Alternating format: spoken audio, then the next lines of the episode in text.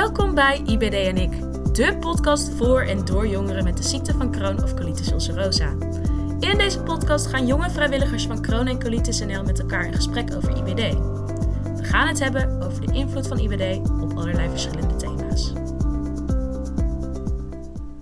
Hallo allemaal en welkom bij een nieuwe aflevering van de podcast IBD en ik. De podcast voor en door jongeren met de ziekte van Crohn of colitis ulcerosa. En vandaag gaan we het hebben over hoe leg je andere mensen eigenlijk uit wat IBD precies is? Wie vertel je het wel, wie vertel je het niet en wat zeg je dan precies tegen deze mensen? Ehm, ik heb vandaag twee hele leuke gasten, namelijk Anne en Sweda. Die gaan zich zo meteen even voorstellen. Alvast, ik ben Isabel, ik ben 20 jaar oud en ik heb de diagnose ziekte van Crohn sinds ongeveer 3,5 jaar geleden. Ik ben in remissie en het gaat eigenlijk hartstikke goed met mij. Ik voel alleen nog af en toe wat vermoeidheid. Anne, wie ben je? Ik ben Anne, ik ben 21 jaar en ik heb uh, drie jaar uh, geleden de diagnose ziekte van Crohn gekregen. Uh, eigenlijk gaat het heel erg goed met me, behalve dat ik nu sinds een kleine periode een actieve ontsteking in mijn mond heb.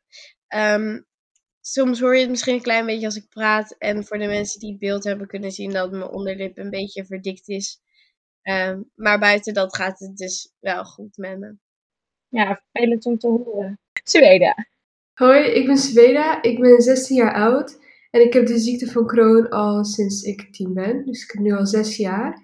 En ik ben gelukkig al 2,5 jaar in remissie. Fijn, goed om te horen. Fijn dat je ook al zo lang in remissie bent. En laten we hopen dat dat nog heel erg lang zo mag blijven. Ja. Super. Hey, thanks dat jullie er zijn vandaag. Superleuk. Um, vandaag wordt eigenlijk een heel persoonlijke podcast. Want we gaan wat dingen vragen over jullie weg naar jullie diagnose. We gaan vragen hoe je dat hebt aangepakt op school, op werk, op andere activiteiten in je dagelijks leven. Um, en daarbij is dan mijn eerste vraag: vertel je eigenlijk aan iedereen dat je ziek bent? Of vertel je het alleen aan de mensen die het echt graag willen horen? Voor mij hangt het echt af. Ik vertel het wel aan alleen degene die het willen horen. Ik had het heel lang niet aan klasgenoten verteld, omdat ik voelde ja, dan leg ik het uit en dan lijkt het, oh, is maar buikpijn. Dus ik heb het wel aan mijn vriendinnen verteld en docenten natuurlijk. En dan zie je ook dat als ze het willen, als het willen weten, dan tonen ze ook meer begrip en stellen ze vragen. En dat vind ik uh, altijd fijn. heb je een beetje een voorbeeld van wat voor soort vragen je van ze kreeg? Um, bijvoorbeeld, ik had het uitgelegd, want ik had, die, ik had drinkvoeding mee. en toen kwamen de vragen, oh, wat is dat? Waarom drink je dat tijdens de les? Ik had het uitgelegd en zeiden ze, oh, hoe lang heb je het? Uh, heb je veel last van? Hoe gaat het? Meteen dat soort vragen. En dan krijg je toch wel het gevoel, oh, ze geven, ze geven erom, ze tonen interesse. En uh, dat maakt me blij. Ja, ik kan me voorstellen dat het heel fijn en goed kan voelen op het moment dat mensen ook daadwerkelijk interesse tonen. En niet alleen maar vragen hoe gaat het uit een soort van principieel dat je dat moet vragen, maar uit echt daadwerkelijke interesse. Um, heb je bijvoorbeeld ook aan andere mensen verteld dat je bijvoorbeeld je zei dat je niet aan je klasgenoten per se had verteld, maar ik kan me voorstellen als jij die drinkvoeding zien drinken dat ze toch misschien vragen komen. Wist uiteindelijk iedereen het? Um, nu weet ik het eigenlijk niet. Ik ga er niet meer zo geheimzinnig mee om. Het is gewoon voor, bijvoorbeeld voor mijn profielwerkstuk. Het gaat over de ziekte van Crohn. Dus als iemand vraagt: Oh, waar gaat je profielwerkstuk over? Die niet per se mijn klasgenoten zijn, oh, dan vertel ik het gewoon. Dan zeg ik, oh, het gaat over de ziekte van Crohn, ik heb het ook, en dan leg ik het uit. Dus het hangt nu echt gewoon af. Als je het vraagt, dan gewoon vertel ik het. Ja, want is er voor jou op een gegeven moment een keerpunt geweest dat je op een leeftijd kwam waarvan je dacht, ik vind het eigenlijk ook wel goed zo dat mensen het mogen weten? Nou, in de brugklas dus was ik heel geheimzinnig. ik vertelde dus alleen aan mijn vriendinnen. En ik denk paar jaar later, toen ik 15 was, begon ik het echt te vertellen. Ik uh, dacht, ja, ik moet me niet voor schamen natuurlijk. Ik ben niet de enige. Het is gewoon ja, normaal geworden voor mij. En ja, vanaf dat punt, de vierde meer, heb ik het uh, aan veel meer mensen verteld. Wat goed, wat knap van je. En ik vind de uitspraak, ik hoef me er niet voor te schamen, ook echt een hele sterke. Want dat is ook jou, je hoeft je niet te schamen. Je hebt een aandoening, iets waar je niet voor gekozen hebt, iets waar je zelf niks aan kan doen. Het overkomt je en je moet ermee leren leven. Ehm, heb je het dat je daar, je weg daar een beetje mee gevonden hebt? Ja, klopt. Ook in het ziekenhuis stelden ze altijd die vraag, hoe gaat het op school? Zeg maar, dat helpt me ook, want dan praten ze er ook over. En dan denk ik, waarom zou ik dit niet vertellen? Waarom zou ik dit als een geheim? Ik ga nu niet schreeuwen als ik de klas binnenkom, hé, hey, ik heb de ziekte van Crohn. Maar wel als ze het vragen over, waarom was je er niet? Oh, een ziekenhuisafspraak, ja. Dan vertel ik het gewoon. En dan krijg ik gewoon altijd goede reacties. Nooit dat iemand boos wordt of zei, wat? Wat is dat? is gelukkig. Fijn, heel veel om te horen. Dankjewel voor het delen. Anne, hoe zit dit voor jou? Vertel jij het eigenlijk aan iedereen of heb je een bepaald select clubje waar je het wel hebt niet aan verteld? Nou, in het begin vond ik het wel heel erg lastig om te vertellen, omdat je echt het gevoel hebt dat je de enige bent die het heeft. Um, dus ik, ja, ik ging een beetje op zoek uh, uh, van oké, wie ga ik het wel vertellen en wie niet natuurlijk. En toen uh, heb ik het natuurlijk eerst aan familie verteld en mijn naaste vriendinnen op school. En um, ook wel wat vriendinnen van thuis, maar ook wel wat minder. Want op school dacht ik, ja, op school ren je soms toch even snel naar de wc. En met je vriendinnen thuis is het normaler dat je even naar de wc loopt. Dan hoef je niet uh, ja, iemand te zeggen van ik moet nu naar de wc, dan kan je gewoon lopen. En op school was dat anders. Dus op school had ik het wel aan wat meer verteld. En toen ik op een gegeven moment uh, ja, wat meer lotgenoten leerde kennen. En toen dacht ik van oké, eigenlijk hebben heel veel mensen hier last van of ergens last van. En toen durfde ik me er wel wat meer voor open te stellen. Maar toch was ik altijd wel bang dat ik een bepaalde stempel ging krijgen. Dus ik had daar wel ja, moeite mee.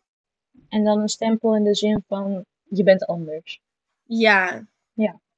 Ja, dat kan ik me heel goed voorstellen. Wel fijn om te horen dat je inmiddels daar ook iets minder moeite mee hebt. En dat dat ook wat soepeler gaat. Maar merk je soms nog steeds dat het een obstakel voor je is om tegen mensen te zeggen? Uh, ja, soms wel. Soms dan denk ik echt van, uh, hebben ze het niet al op mijn voorhoofd gelezen of zo? En af en toe denk ik van, oké, nu ben je op een punt in een vriendschap of uh, ja, uh, bijvoorbeeld een relatie, je leert iemand kennen en dat ik denk van oké, je, moet het wel vertellen, want je moet eerlijk zijn. Maar die, over die drempel heen gaan, dat mensen je bijvoorbeeld ja, van zich afduwen, dat vind ik wel heel erg lastig wel. Ja. ja, zeker, dat is ook lastig. Ik herken ook wel wat jullie zeggen in het begin. Er iets meer misschien schaamte over voelen en dat je denkt, ah, straks ben ik de enige. Nu moet ik voor mezelf zeggen, ik zat in de zesde klas toen ik mijn diagnose kreeg. En um, dat was op de middelbare school. En ik wist toevallig dat er iemand anders van mijn middelbare school, en dat is toevallig ook een gast van een eerdere podcast, Oran, ook op dezelfde moment de diagnose kreeg. En ik heb aan hem wel heel erg veel gehad destijds. Ik heb vooral gelijk in, ik ben in, op Instagram heel actief gaan zoeken naar mensen die accounts hadden waarop ze dingen deelden over de ziekte van chronisch ulcerosa. Um, en ben daar lotgenoten gaan zoeken. En uiteindelijk heb ik het ook wel aan mijn klas verteld, omdat er op een gegeven moment sprake was van dat ik misschien niet examens in één keer kon doen. Ik met gym niet meer per se altijd mee hoefde te doen en moest gaan uitleggen waarom. Ja, moest niet, maar ik op een gegeven moment wel de behoefte voelde. Um, en nu ook, mijn vriendinnen weten het allemaal. En ik heb nu niet meer dat ik het gelijk uit mezelf vertel, maar als het dan ter sprake komt, dan vertel ik er ook wel gelijk uitgebreid over. Mensen willen het vaak ook wel horen en zijn geïnteresseerd. Um, waarbij ik altijd dacht dat mensen zouden zeggen: Oh, eeuw, kroon, dat is toch die poepziekte? Of eeuw, dat is toch altijd dat je zo vaak naar de wc moet? En dat ik ben van nee, het is veel meer dan dat. Ik heb vooral veel last van vermoeidheid en eerder dat ik niet naar de wc kan. Um, en daar komt ook alweer naar voren dat er heel veel stereotypen over IBD zijn. En ik hoop dat die heel erg gauw wereld uitgeholpen gaan worden. Maar ja, we kunnen niet over een nacht ijs van alles gaan veranderen.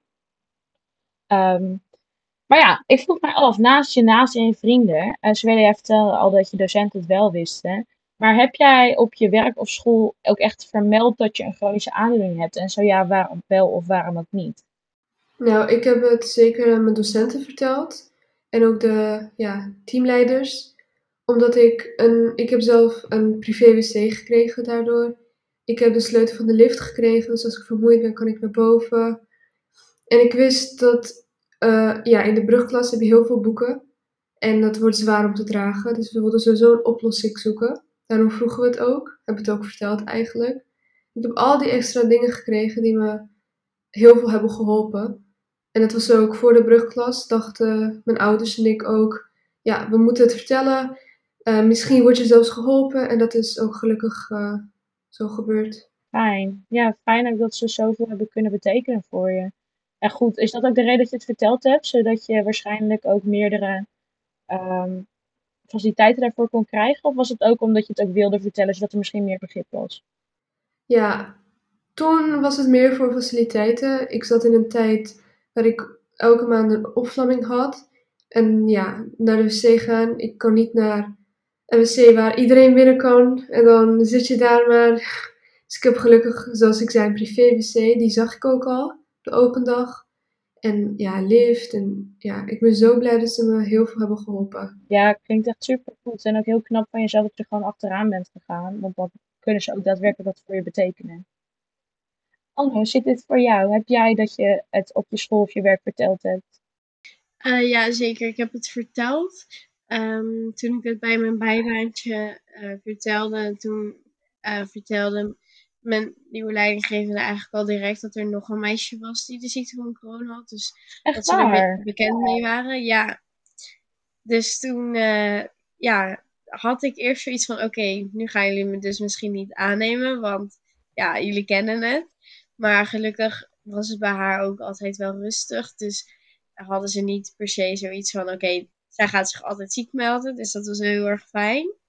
Ja, en op school uh, heb ik het ook gewoon verteld. Want uh, ja, ik wist vanuit mijn vorige opleiding dat je vrijstelling kon krijgen um, op het uh, inhalen van uren. Als je dus onder je percentage komt dat je aanwezig moet zijn, dan kan je daar vrijstelling op vragen omdat je dus naar het ziekenhuis moet vaker.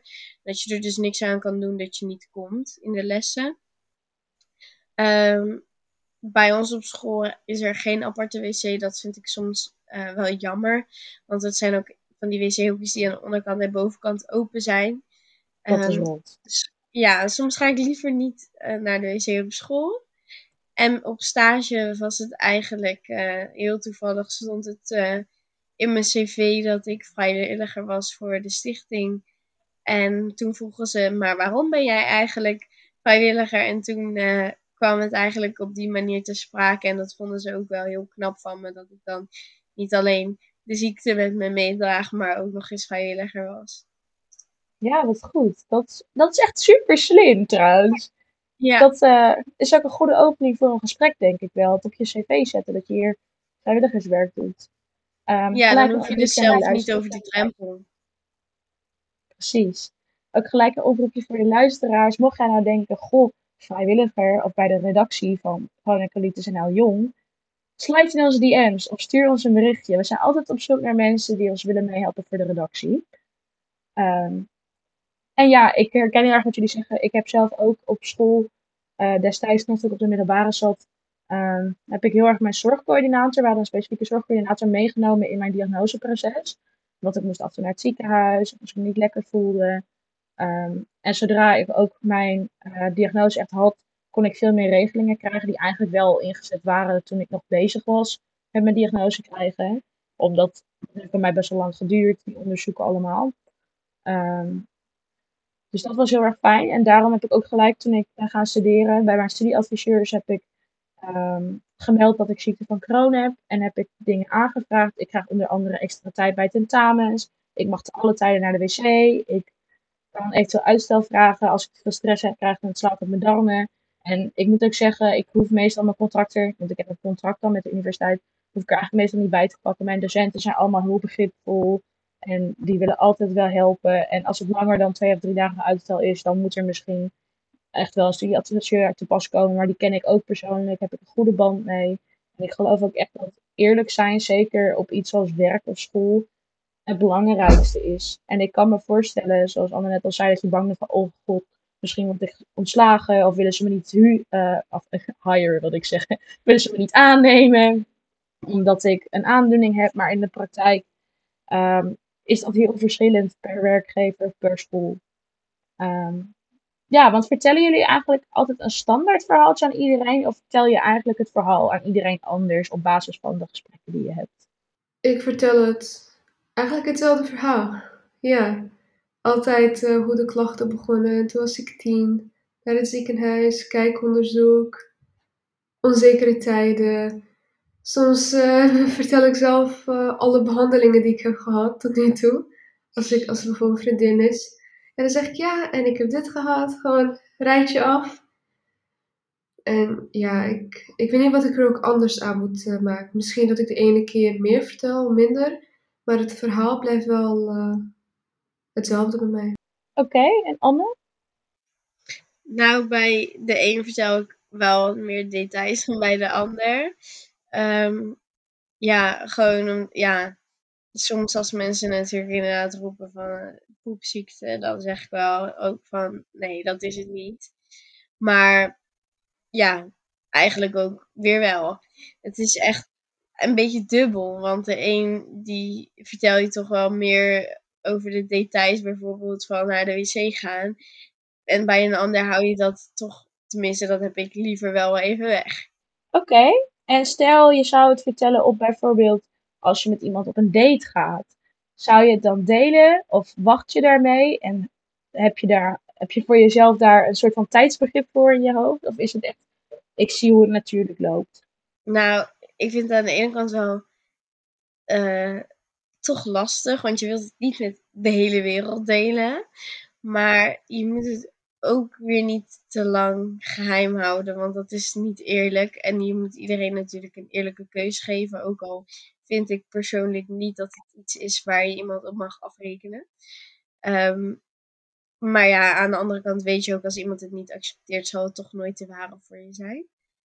Um, dus ja, ik vind wel dat je het vroegtijdig moet delen. Want ook inderdaad, ja, wat voor dates ga je, uh, ga je doen? Ga je uit eten of ga je iets actiefs doen? Je moet het ja, wel delen, want je kan niet alles eten bijvoorbeeld. Ja, ja dat uh, ben ik met je eens. Het is bij mij wel heel grappig. Mijn eerste date met mijn vriend, dat is nu ongeveer iets langer dan een jaar geleden, was op Wereld IBD-dag. En mijn host stond natuurlijk overal op Facebook en Instagram. En ik had dat heel leuk op mijn Instagram gedeeld. En toen was hij zo, ja, wat was dat eigenlijk wat ik op je Instagram zag? Dus toen kwam het toch wel ter sprake. um, maar ik heb ook wel eens gehad dat ik het niet gelijk verteld heb. En Shabela, hoe zit dat voor jou? Misschien ben je nog niet bezig met daten, maar hoe zou je dat eventueel in de toekomst doen, mocht je er nog niet mee bezig zijn? Ja, ik ben er nu niet mee bezig. Maar ik denk niet dat ik het meteen zou vertellen. Misschien eerst kijken hoe het gaat. En als het toch niet klikt, dan zou ik het niet vertellen. Maar als ik doorheb dat er wel potentie in zit, in zit dan zou ik het uh, ja, wel delen. En zoals Anne zei, als je ergens eet, je kan niet altijd alles eten. Of je moet opeens plotseling naar de wc. Je kan niet zomaar verdwijnen zonder dat de ander het weet. Dus uh, ja, het hangt wel af. Ja, dat kan ik me voorstellen. Ik denk dat dat ook een goede redenatie is. Eerst even kijken of het klikt. Dat is vaak ook wel belangrijk. Um, en wat jullie ook heel mooi zeggen, en ik vind dat dat ook echt het belangrijkste is om mee te nemen. Als iemand het niet accepteert, dan is dat heel jammer voor diegene, maar dan is diegene het ook wel echt niet waard. Want of je nou wil of niet, helaas hoort IBD toch een beetje bij je. En is het ook iets wat gewoon erbij hoort. Dus daar moeten ze dan maar mee dealen. Um, want nou, je hoopt natuurlijk dat mensen positief reageren. En ik hoorde inderdaad Zweden in het begin al zeggen dat iedereen van je vrienden heel interessante vragen stelde. Um, hebben jullie een manier waarvan jullie zouden zeggen: dit zou de ideale manier zijn voor mijn naasten of mensen om mij heen, of mensen die mijn verhaal horen om erop te reageren? Is er iets wat jij zelf het prettigst vindt? Is dat vragen stellen? Is dat dat mensen interesse tonen? Of is het juist dat mensen zeggen: oké, en doorgaan met hun leven? Ik denk, ik vind dat mensen interesse tonen wel belangrijk. Als ze niet alleen zeggen, oh, gaat het? Oké, we gaan weer verder. Dat ze ook echt vragen stellen, oh, en hoe zit dat? Want als ik het toch vertel, ik zou het niet zomaar vertellen zonder dat ik die vragen wil. Ik weet dat het eraan komt. En ja, ik zou het echt graag willen dat ze gewoon vragen stellen over de ziekte. Oh, hoe oud was je? Dat soort vragen. Ik verwacht nu niet dat ze iets over de ziekte zelf al kennen. Vaak kennen ze dat niet. Maar wel, oh, en hoe voelde je toen? Ja, dat geeft je wel een fijn gevoel. Dat het ook echt je vrienden zijn en ook om je geven. Ja, en dat mensen proberen je situatie te begrijpen en hoe dat voor jou is. In plaats van dat ze zeggen, oké, en ermee verder gaan.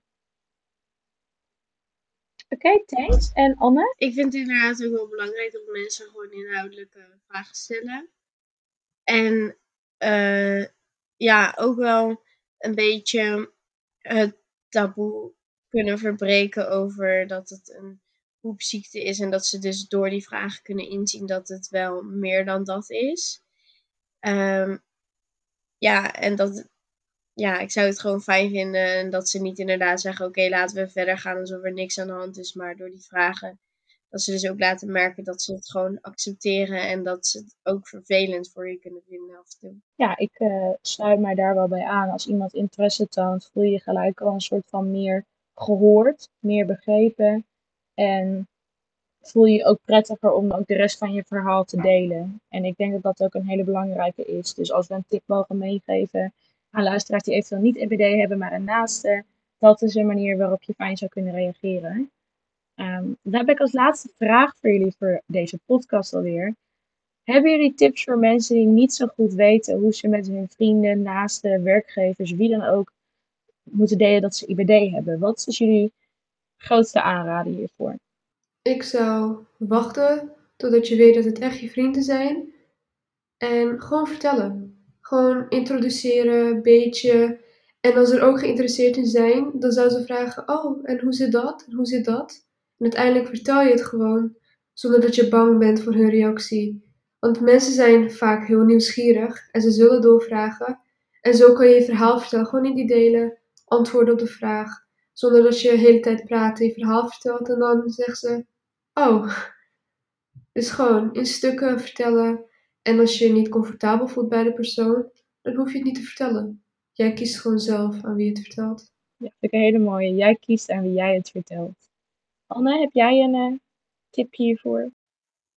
Um, nou ja, vooral zoek het juiste moment. Dus um, bijvoorbeeld als een vriend of een vriendin zelf iets kwetsbaars vertelt, dat je dan zegt van goh, ik moet je ook nog iets vertellen. Uh, en gewoon ook aangeven dat je het lastig vindt om te vertellen, want dan weet diegene ook dat diegene niet inderdaad oké is goed hoeft te zeggen en verder gaan, maar dat diegene ook echt begrip kan tonen. En voor school en werkgever denk ik dat het ook heel fijn is als je het gewoon wel vertelt, want dan kunnen ze je er ook bij helpen. En mocht een werkgever je niet aannemen uh, omdat je dus ziek bent, dan moet je maar denken, dan was het niet uh, ja, jouw baan of jouw droombaan. Want dat was het alleen geweest als ze jou hadden geaccepteerd zoals je bent. Vind ik ook weer een hele mooie. Ze hadden je genomen en accepteren zoals je bent. Ik denk dat ik mij heel erg aansluit bij wat jullie allebei gezegd hebben. En voor mij zou de grootste tip zijn: vertel zoveel als jij zelf wilt. En dat kan heel individueel zijn bij ieder andere persoon. Het kan alleen zijn van: Goh, ik heb de ziekte van Crohn. Ik ben wat vaker vermoeid, geef maar de ruimte. Of dat je echt compleet vertelt. Ik heb de ziekte van Crohn, dat houdt dit en dit en dit in. Dit effect mij op zo en zo en zo'n manier. En dat je gewoon het grote verhaal vertelt. Het is voor iedereen heel afhankelijk en individueel. En ik denk dat het heel erg mooi is dat het aan jezelf is om te bepalen wie jij het vertelt en wanneer en waarom. En daarmee wil ik ook graag deze podcast op een positief net afsluiten. Ik wil jullie allebei hartstikke bedanken, Zweden en Anne, voor meepraten in deze podcast. Ik wil de luisteraars bedanken voor het luisteren naar deze uh, aflevering. En ik hoop jullie snel weer bij de volgende aflevering te zien. Doei doei! Dit was hem dan, de podcast IBD en ik van de jongeren van Kroon en Colitis NL. Wil jij ook een keer te gast zijn in deze podcast?